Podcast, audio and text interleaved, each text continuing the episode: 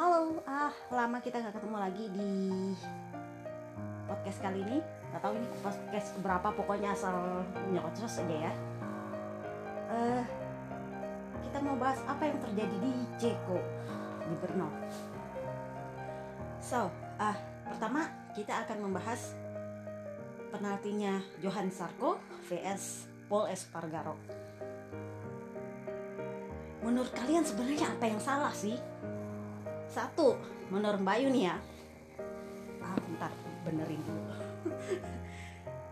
sebenarnya nggak salah sih Sarko karena sebenarnya Paul yang salah dia terlalu melebar. Dia terlalu melebar dan dia sadar, oh saya sudah terlalu melebar nih, jadi dia mau masuk lagi. Dan dia sadar bahwa Sarko ngekor di belakang, jadi dia niatnya adalah mau nutup karena posisinya dia lebih di depan. Nah nggak taunya si Sarko maksa masuk gitu. Jadi sebenarnya niatnya Paul itu adalah lu nggak boleh ngambil lain gue nih gue cuma salah dikit gitu loh. Terus kenapa Sarko yang disalahin? Mari kita bahas. Sebenarnya dalam posisi ini hmm, Bayu setuju sih sama uh, Mama Mancing. Katanya bahwa uh, lu nggak bisa sembarang masuk kalau udah bikin kesalahan gitu. Kan kau udah udah salah nih gitu. Lu nggak bisa asal ah gue salah nih gue mau masuk lagi. Ya nggak bisa. Orang yang punya lain udah udah udah udah dari belakang gitu loh. Jadi uh, sebenarnya bukan salah Sarko sih. Tapi kenapa RD memutuskan untuk uh, kasih penalti? Menurut Mbak Yuni satu sebenarnya KTP itu belakang satu. Karena sejarahnya adalah Sarko emang suka nyeruduk nyeruduk dari dulu gitu. Dan dia kalau nyeruduk biasanya pasti dirugikan. Yang dia seruduk itu dirugikan gitu. Uh, masih ingat nggak dulu uh, dia nyeruduk berapa orang gitu di race? Terus uh, dia sempat dapat bebek juga di race. Uh, itu yang bikin uh, bebek bilang oh, lu nggak bisa nyeruduk nyeruduk gitu juga kali gitu. Dan waktu itu Sarko kayaknya nggak kena penalti. Nah dan banyak komplain soal itu. Jadi semacam uh, irresponsible riding gitu. Uh, masih ingat nggak uh, rider Moto3 dan Moto2 itu Moto2 itu paling sering kena uh, uh, penalti ini. Uh, irresponsible riding nah itu yang dikenakan ke Sarko.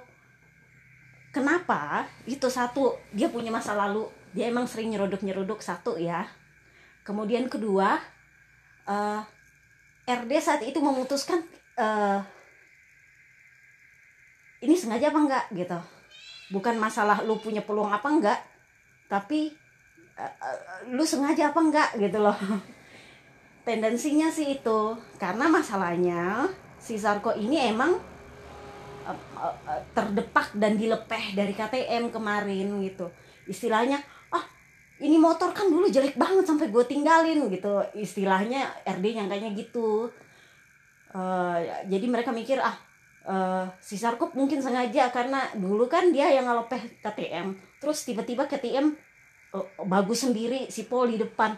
Ya mending dia senggol kan ada kesempatan ke dalam kesempitan jadi RD itu memutuskan kemungkinan berdasarkan itu irresponsible riding. Irresponsible riding itu secara umumnya adalah sengaja untuk menjatuhkan orang dan merugikan orang lain. Faktor kesengajaan. Itu sih kenapa sampai Sarko kena. Jadi lebih kepada tendensinya. Sengaja apa enggak lu? Memang peluangnya ada tapi lu sengaja apa enggak? Itu aja sih. Uh, kemudian yang kedua ya ya KTP juga.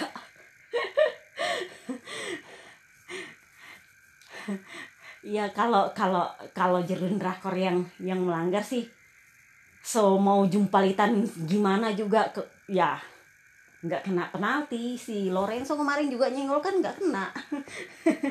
Pokoknya asal asal lu punya KTPS yang dianggap dianggap atau ya yang yang istilahnya nggak nggak nggak bisa dibilang satu geng sih. Eh, satu geng juga maksudnya yang yang yang cepat untuk uh, uh, menyetujui sesuatu. Terutama karena Alex Espargaro itu uh, pendukung beratnya Mark Marcus jadi sekeluarga ini benar-benar uh, kalau nggak ngomel ya sengak juga. Satu tukang ngomel satu tukang sengak. Calon sengak. Nggak nggak juga tukang sengak sih. Calon sengak jadi kayak gitu. Uh, itulah kenapa si Sarko uh, dijatuhi penalti. Terus uh, aduh kucing gua. Terus kenapa si si si Paul uh, menganggap itu masih terlalu ringan? Sebenarnya si Sarko ini dia uh, di wawancara terakhirnya sebenarnya dia ngaku dia salah dia bilang oh uh, saya lihat ada peluang ya saya masuk aja. Terus saya nggak dengar lagi suara motor dia. Ya saya tahu ini bakal penalti nih. Dia nggak protes juga sih. Ya emang bakal dipenalti kalau jatuh. Kan dia tahu dia tahu bahwa itu ada resikonya. Kalau lu nyenggol orang terus jatuh itu bakal kena res, uh, irresponsible riding. Syukur-syukur kalau nggak kena tapi kalau kena ya bakal penalti. Dia tahu resikonya. Jadi pintar dia panjangin dulu gapnya nih. Dia panjangin dulu gapnya dari uh, snack taro 1,3 apa 1,4 1,5 sekitar itulah ya.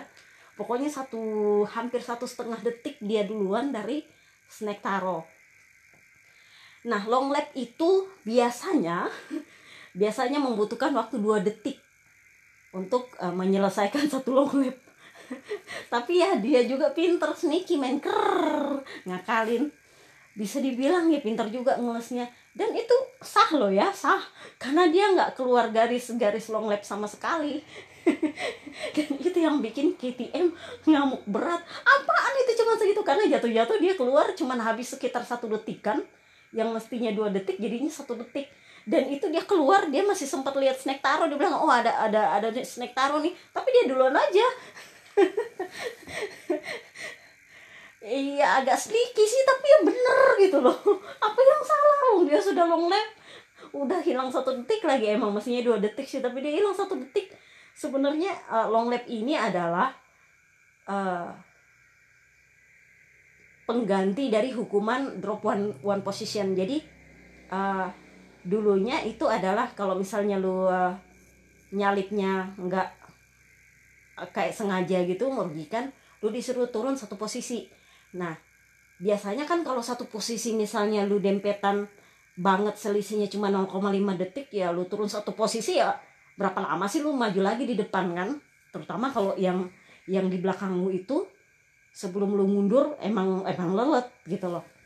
Jadilah diambil diganti jadi long lap position dengan ekspektasi oh rider bakal kehilangan 1 sampai 2 detik paling lama uh, iya kalau lu pelan-pelan ya bisa 3 detik loh itu habis.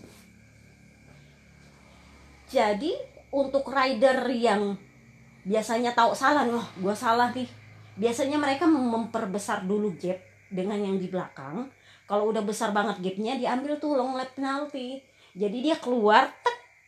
Paling enggak dia masih ada di depan di depan atau uh, ya paling buruk-buruknya kalau kalaupun dia dia keluar yang di belakang udah duluan nggak selisih banyak banget gitu loh. Jadi itu strateginya Sarko waktu long lap bukan berarti dia sneaky enggak. Uh, bukan berarti dia apa nih tuh ringan banget? Enggak dia udah kehilangan satu detik lebih loh itu.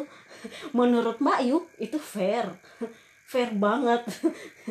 Artinya kalau dibilang udah dia nggak salah kalau secara logika ya udah dia nggak salah udah udah udah mencoba segala sesuatunya dan tapi dia sendiri sadar oh si Paul jatuh nih gue bakal kena penalti. Ya iya emang harusnya kena penalti. Kalau lu beruntung ya nggak kena. Tapi pas biasanya resikonya lu lu kena penalti. Kalau beruntung dianggap insiden biasa ya udah lolos penalti. Kayak gitu. Nah, uh, jadi sebenarnya menurut Bayu penalti itu adalah jalan tengah. Long lap itu adalah jalan tengah antara KTM yang minta dihukum dan uh, Ducati yang bilang ah semestinya nggak dihukum gitu. Apakah kalau Sarko tidak ambil long lap penalti dia akan menyusul Morbido ya? Menurut kalian? waktu itu selisihnya berapa sih tiga detik apa ya dengan Morbi tiga detik apa dua detik ya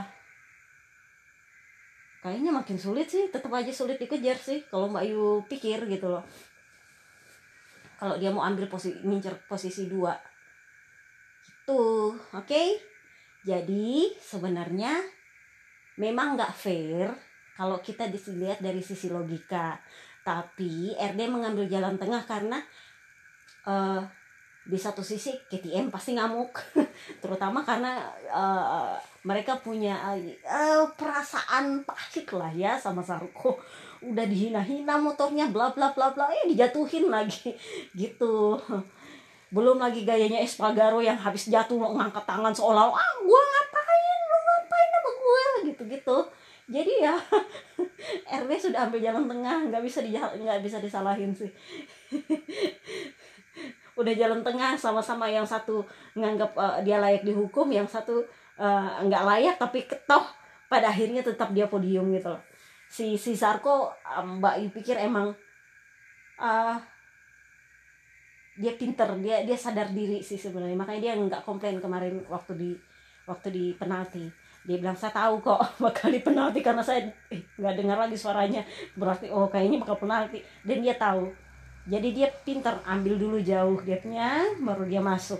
Jadi dia keluar snake taro uh, ya dia lihat sih tapi tetap bisa bisa bisa tetap selesai di depan snake taro ya. Emang snake taro ya lagi sial lah ya. Oke okay. itu selesai kita bahas snake taro. What happened to them? Ban menjadi isu di uh, seri Brno ini. Kenapa? Karena uh, DJ Harris kemarin itu ban seliknya memang ban selik baru tapi dimodif ditambahin uh, karetnya lebih keras dengan alasan karena suhu di Harris itu lagi panas banget. Jadi itu istilahnya banyak udah dimodif bukan ban aslinya 2020 nah ban asli 2020 itu yang dipakai ya yang sekarang ini yang di Brno. Iya Brno sampai race race berikutnya. Itu ban slik belakang yang baru. Wak, masih ingat nggak waktu intertest kemarin uh, yang komplain adalah Ducati dan Honda menganggap bahwa ini ban cuman cocok buat yang uh, yang uh, mesinnya segaris inline. Yamaha Suzuki. Ekspektasi Mbak Yu selama akhir pekan akhir pekan itu artinya dari Jumat Sabtu. Ya emang benar sih waktu itu sih yang loncat siapa? Yamaha snack taruh uh, si si finales kita nggak hitung kualifikasi itu ancur lebur kenapa bisa Sarko di atas gini-gini? Itu ya untung-untungan sih. Tapi ya emang si Snack Taro sama Finales emang moncer. Coba lihat di warm up warm up pagi hari Minggu. Lihat Finales di mana Quartararo di mana Morbidelli di mana. Cuma Bebek Vale aja yang hilang entah ke mana. Dia ada di 10 besar. Nah Kagami malah naik di 10 besar waktu warm up ini yang dasar nanti kita bahas ini. Nah, terus kenapa ban jadi jadi uh, uh, jadi bahasan? Jack Miller yang bongkar kartu duluan. Dia bilang ah ini ada konspirasi nih ban nih jadi secara nggak langsung Les Berno ini membuktikan bahwa teori Mbak Yu yang sudah berapa tahun itu yang selalu dituduh ah lu cuman gara-gara rider idola lu si ayang bebek Vale lu ngeluhin ban lu bilang lah ada ban gaib dan segala macam. See now bukan cuma bebek Vale bebek Vale malah uh, I already handle it now I a little bit sorry now I try to figure it out now setelah bertahun-tahun dia menderita dengan ban dia pelan-pelan mulai oke okay, gue kayaknya mesti pakai cara lain sama ini ban. Giliran pabrikan lain yang pusing. Kenapa uh, pertama si Ducati Ducati yang paling komplain. Kenapa? Uh, karena setiap menurut menurut uh, Jack Miller setiap sesi itu beda-beda segini apa habis ini apa segitu apa setup ini nggak bisa setup itu nggak bisa riding style di sini ngereng nggak bisa. Puyeng lah ya. Jadi pas kualifikasi ternyata Zarko sama Snake Taro yang di baris depan curiga dong. Si Miller ah ini orang Prancis dua-dua nih ah banyak juga dari Prancis ah tuh gaya deh lah ya. Lanjut Petrucci Petrucci sih nggak vulgar amat dia cuma bilang ah ya emang si JK sih emang emang ceplos-ceplos gitu. Tapi gini deh uh, uh, uh, ban ini memang uh, beda-beda. Dibilang uh, performanya kadang bagus kadang enggak. Jadi ada kesalahan atau uh, ketidakkonsistenan yang berulang dia bilang kami sudah bertahun-tahun komplain, tapi selalu ada ketidakkonsistenan yang berulang. Artinya di luar ekspektasi. Misalnya hari ini, oh ini cocok nih, besoknya udah hancur lagi gitu. Jadi mereka harus cari lagi setup ini kenapa barang gitu loh. Itu menurut Petrucci. Kalau si Dovi sih nggak mau terang-terangan juga nuduh ban dia cuma bilang e, kita lagi pusing uh, lagi cari tahu ini sebenarnya ada apa siapa yang pakai setup apa cocoknya bagaimana Dovi lebih cenderung cuma bilang uh, ban emang emang uh, uh, jadi masalah tapi uh, kalau mau menuduh ada konspirasi ya nggak juga dia bilang gitu. Lanjut. Itu kayak gitu itu itu sesi kualifikasi. Jadi Neng Vina karena dia star dari uh, di luar dari baris depan dia cari setup bagus dong ya. Nah setup bagus itu dia tes di uh, warm up minggu pagi hasilnya dia adalah di posisi dua di warm up. Jadi pikirannya dia wajar dong dia bilang oh ini udah cocok nih setup gua udah bisa nih. Paling enggak ya mungkin uh, harus menang tapi ya setidaknya bisa bersaing lah buat podium. Gitu itu pikirannya. Snack taro ya jangan ditanya. Dia udah moncer dari hari Jumat men. Jadi ya uh, meskipun warm up nggak nggak harus wah-wah banget dia udah tahu oh uh, paling enggak gue ya harapannya sih menang tapi paling enggak gue podium. Jadi mereka sudah ekspektasinya oh, udah pas nih udah pas nih uh, uh, setelan ban dan dan setelan motor. Lalu pas race jeng jeng hasilnya adalah Snake Taro mundur sekian posisi. Neng Vina lebih jauh lagi sampai finish di luar 10 besar jadi apakah yang salah setup? Jelas enggak dong ya. Karena kan setup sudah dites di warm up dan itu menurut Bayu gini kalau di warm up lu udah bagus berarti di race nanti seenggaknya lu turun nggak sampai banget banyak banget posisinya. Masalahnya Neng Vina jauh banget turunnya 14 sama sekali bukan bukan dia jadi kalau mau dibilang dia uh, dia uh, uh, salah riding style ya nggak bisa juga. Sudah berapa kali sih kalian lihat kalau dia start emang startnya jelek tapi dia berhasil naik? Kebiasaannya Nengvina itu itu gitu. Kalau dia start uh, tahun lalu coba kan dia start itu di depan mundur dulu ke belakang tapi nanti naiknya pelan-pelan. Nah kayak gitu. Tapi untuk untuk pertama kalinya Neng Vina emang bukan dia. Mbak Yu yakin dia sudah berusaha banget buat maju tapi emang emang nggak bisa. Dia akhirnya dia bilang gini dari tikungan pertama itu udah nggak ada grip. Satu lurus pun spinning terus ban gua. Itu satu. Snack taro. Dia udah bilang ah dari lap pertama udah hancur ban nggak ada nggak ada grip sama sekali. Jadi dia uh, daripada dia maksa mending dia fokusnya adalah mending finish dulu. Kenapa? Kalau kalian lihat postingan Mbak Yu di mana gitu pokoknya kalau kalian tahu lah kalian cari lah. Kan Mbak Yu udah bilang race Brno ini bisa dibilang worthless. Satu karena bukan karena ban satu karena uh, uh, sirkuitnya emang ancur bolong-bolong kiri kanan bambi banget jadi kalau lu maksa di sirkuit ini resikonya adalah lu jatuh dan jatuhnya jelek dan itu cedera gitu. Dan kalau lu cedera masalahnya musim ini cedera adalah hal yang tidak bisa ditolerir. Apalagi kalau lu jatuh di Brno. Kenapa? Karena minggu depan lu udah harus nge di Red Bull Ring. Dua race pula. Nah Red Bull Ring itu sirkuit bagus, treknya bagus. Jadi ya mending lu jatuh di situ jatuhnya worth it lah ya. Buat lu kenceng-kenceng kan. Lu kenceng-kenceng terus lu jatuh itu masih worth it. Dan uh, terutama karena habis Austria lu ada jeda dulu sebelum ke Misano. Ada jedanya dua minggu. Jadi kalau misalnya lu cedera di Austria lu masih bisa uh, pemulihan gitu ya. Kan biasanya pemulihan ya makanya dua minggu nggak pernah seminggu sih dua minggu. Apalagi kalau cuma empat hari nggak ada cerita. Biasanya seminggu atau dua minggu gitu. Kalau cuma empat hari mah itu bohongan. Gue nyindir. Jadi kayak gitu. Jadi mending lu jangan sampai cedera di Brno. Ntar aja di Austria kalau mau cedera gitu. Karena itu lebih worth it buat jatuh lebih worth it buat gaspol lebih worth it buat habis-habisan. Mending lu slow down di sini pelan-pelan aja asal kelakon. Nggak usah maksa itulah kenapa uh, eh, KTM dan Johan Sarko habis-habisan di sirkuit ini. Sekali seumur hidup istilahnya. Benar juga kata Paul. Sekali setahun ini peluang KTM maju. Kenapa? Karena pabrikan lain mending pelan-pelan deh ya. Terutama Yamaha. Itu mesinnya udah habis. Lu mau rusakin mesin lagi? Yang bener aja.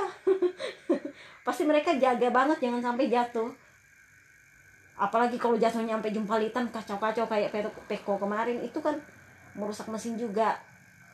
Itu adalah salah satu uh, uh, titik lemahnya mah untuk saat ini. Mesin habis lu nggak boleh bikin kesalahan jatuh dan kalau lu jatuh jangan sampai rusak mesin karena kalau rusak mesin habis mesin lu beneran. Yang punya mesin full saat ini cuma Snake Taro yang lainnya cuma sisa empat mesin itu pun diputar oke? Okay? so jadi sebenarnya apakah ada ban goib itu? Mbak emang udah bilang dari dari berapa tahun lalu ada itu ban. Cuman baru sekarang Bebek Vale akhirnya bilang kemarin ya saya harus mengakui selama bertahun-tahun memang selalu ada ban yang lebih bagus dari yang lain. Dan saya nggak bisa ya, Bebek Vale bilang saya nggak bisa bilang gambling sih tapi emang begitu ada cara ngakalinya ya, ya kalau bukan di setup ya di riding style. Uh, memang susah sih tapi ya gitulah ya dunia balap. Bebe Vale akhirnya legowo bahwa itulah kenyataan ban yang harus dijalani selama selama bertahun-tahun dia dia ribut sama ban. Dia bilang ya kita berap, uh, selalu menekan uh, Michelin untuk bikin grip bagus untuk daya tahan bagus. Ya biasanya sih mereka bagus tapi uh, kadang-kadang ada miss juga dia bilang gitu. Kadang bagus uh, kadang missnya banyak kadang missnya dikit. Pokoknya memang selalu ada ban yang lebih baik dari ban lain. Nah ini yang Mbak Yu bilang bon goibnya itu ada grade-nya. Jadi satu ban bagus banget. Itu Mbak Yu bilang ban ori. Itu biasanya ada di satu rider pokoknya lu cari aja di antara semua rider yang paling gak pernah komplain ban satu. Dan sekarang di absen kalian bingung itu ban ke mana? Ya ke pedok sebelah aja. Ke pedok yang menurut menurut Honda uh, lebih potensial buat bawa bawa klasemen uh, di klasemen gitu. Kenapa dia dipilih? Mbak Yo nggak sebut nama ya kalian tebak aja. Kenapa dia dipilih? Uh, memakai ini ban ori selama uh, Jordan Rakor pensiun. Eh pensiun. Sorry bukan doa men bukan pensiun. Selama cedera. Sorry keceplosan. Enggak di enggak. Amit amit enggak lah. Enggak lah ya. Mudah-mudahan enggak. Mudah-mudahan sembuh tuh. Jadi uh, selama dia cedera si uh, ban ini tetap akan ada di pedok gitu. Eh, Mbak Yu nggak tahu apakah ada ada ada ada perjanjian apa gimana. Pokoknya yang Mbak Yu tahu ban itu akan ada di di di, di pabrikan itu aja beredar. Jadi kenapa rider yang satu ini dipilih? Karena waktu itu di Andalusia si Carl Crutchlow nggak bisa karena dia lagi cedera. Marcus anak baru banget nggak bisa diharap gitu. Jadilah kenapa rider ini yang dikasih. Dan dia uh, dan in fact dia adalah rider Honda tertinggi di klasemen uh, rider Honda terbaik lah mewakili Honda di klasemen gitu itulah kenapa dia yang dipakai. Kok bisa dia kemarin nggak moncat lo lihat aja dia dia start berapa finish berapa kemarin. Se se semoncer-moncernya Binder dia lebih moncer intinya. Dia lebih moncer. Oke okay? clear kita ya. Kalian sudah tahu itu siapa kemudian Binder apakah uh, uh, dapat uh, uh, yang ori? Enggak. Bayu udah bilang itu ada grade. Jadi ori KW uh, KW kemudian yang ban jelek dan jelek banget. Jadi mari kita lihat itu KW sebagai jelek. Jadi jelek jelek jelek jelek banget gitu. Ya uh, kayak gitu. Nah ini Bayu nggak tahu apakah itu hasil undian para KTM bagus banget atau seperti kata Snack Taro ada kong kali kong juga. Jadi yang kalian bilang Snack Taro itu didukung karena satu negara didukung oleh ban karena satu negara terpatahkan sekarang kan? Snack Taro buka-bukaan dia bilang saya justru mikir Michelin sama sama KTM ada ada hubungan nih. Karena apa? Selama ini KTM kan ngetes di di Brno sama Austria. Jadi istilahnya lebih sering lah ya KTM ketemu sama Michelin daripada uh, pabrikan lain gitu. Itu sih asal tuduhannya. Tapi itu juga mematahkan bukti bahwa Snektara didukung sama ban goib enggak sejak awal Mbak Yu bilang enggak itu karena dia emang lagi dapat undian bagus aja. Jadi dia lagi dapat uh, eh, KW atau KW super atau pokoknya ya grade-nya lebih di atas dari yang jelek-jelek banget itu gitu. Sekarang kan terbukti.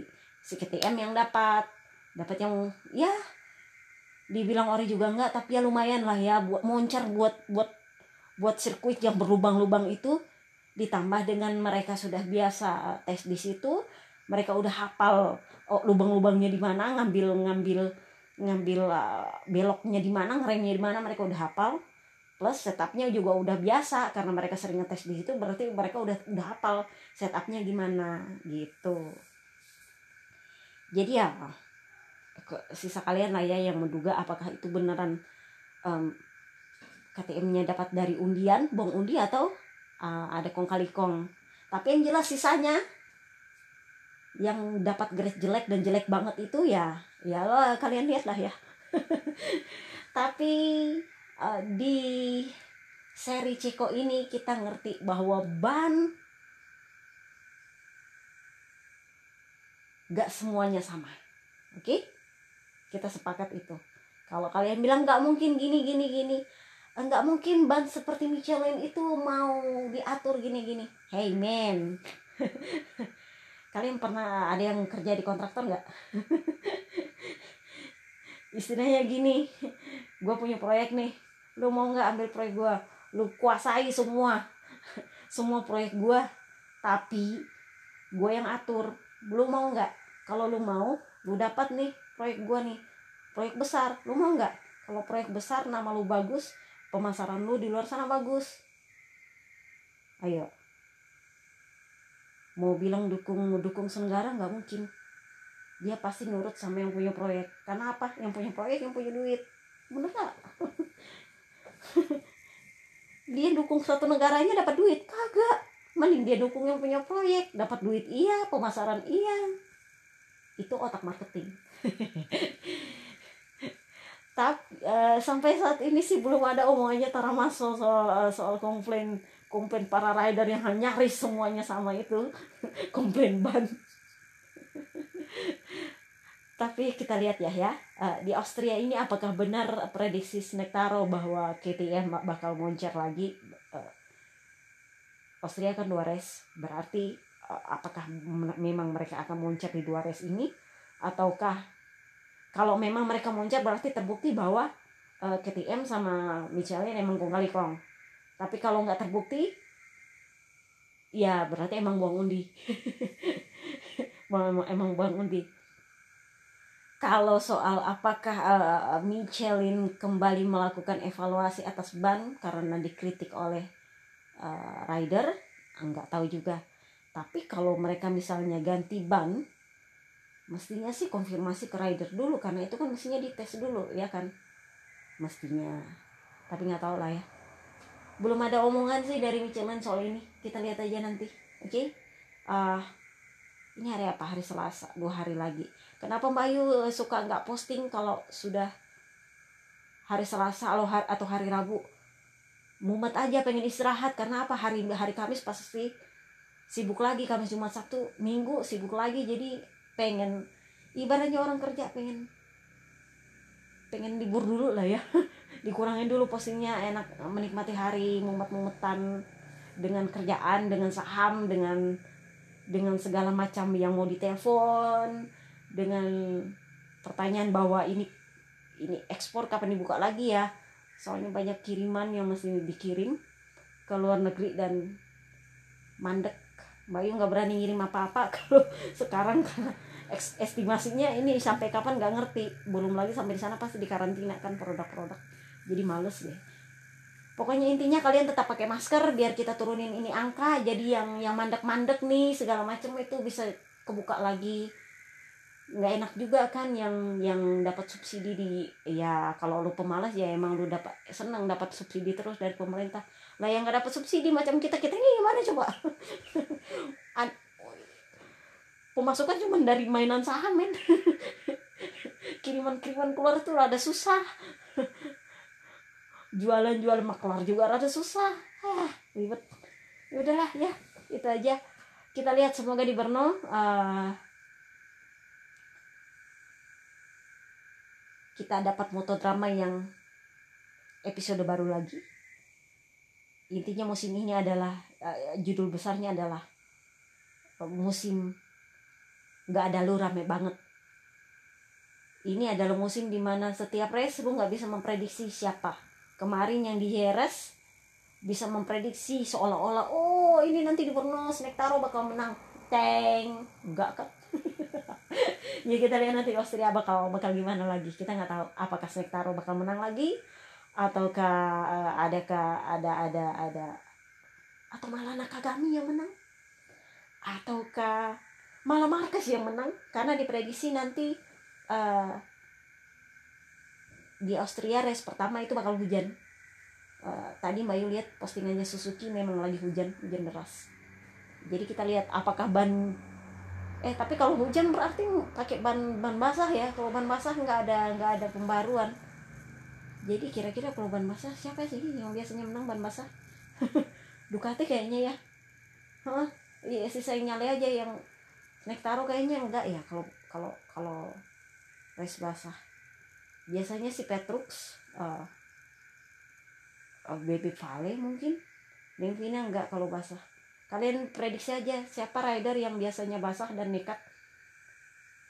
Biasanya mereka yang menang. Termasuk KTM ya.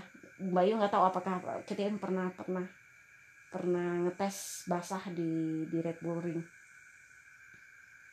Pokoknya kita nggak bisa prediksi berdasarkan ban slick baru lagi nih. Kalau untuk Austria.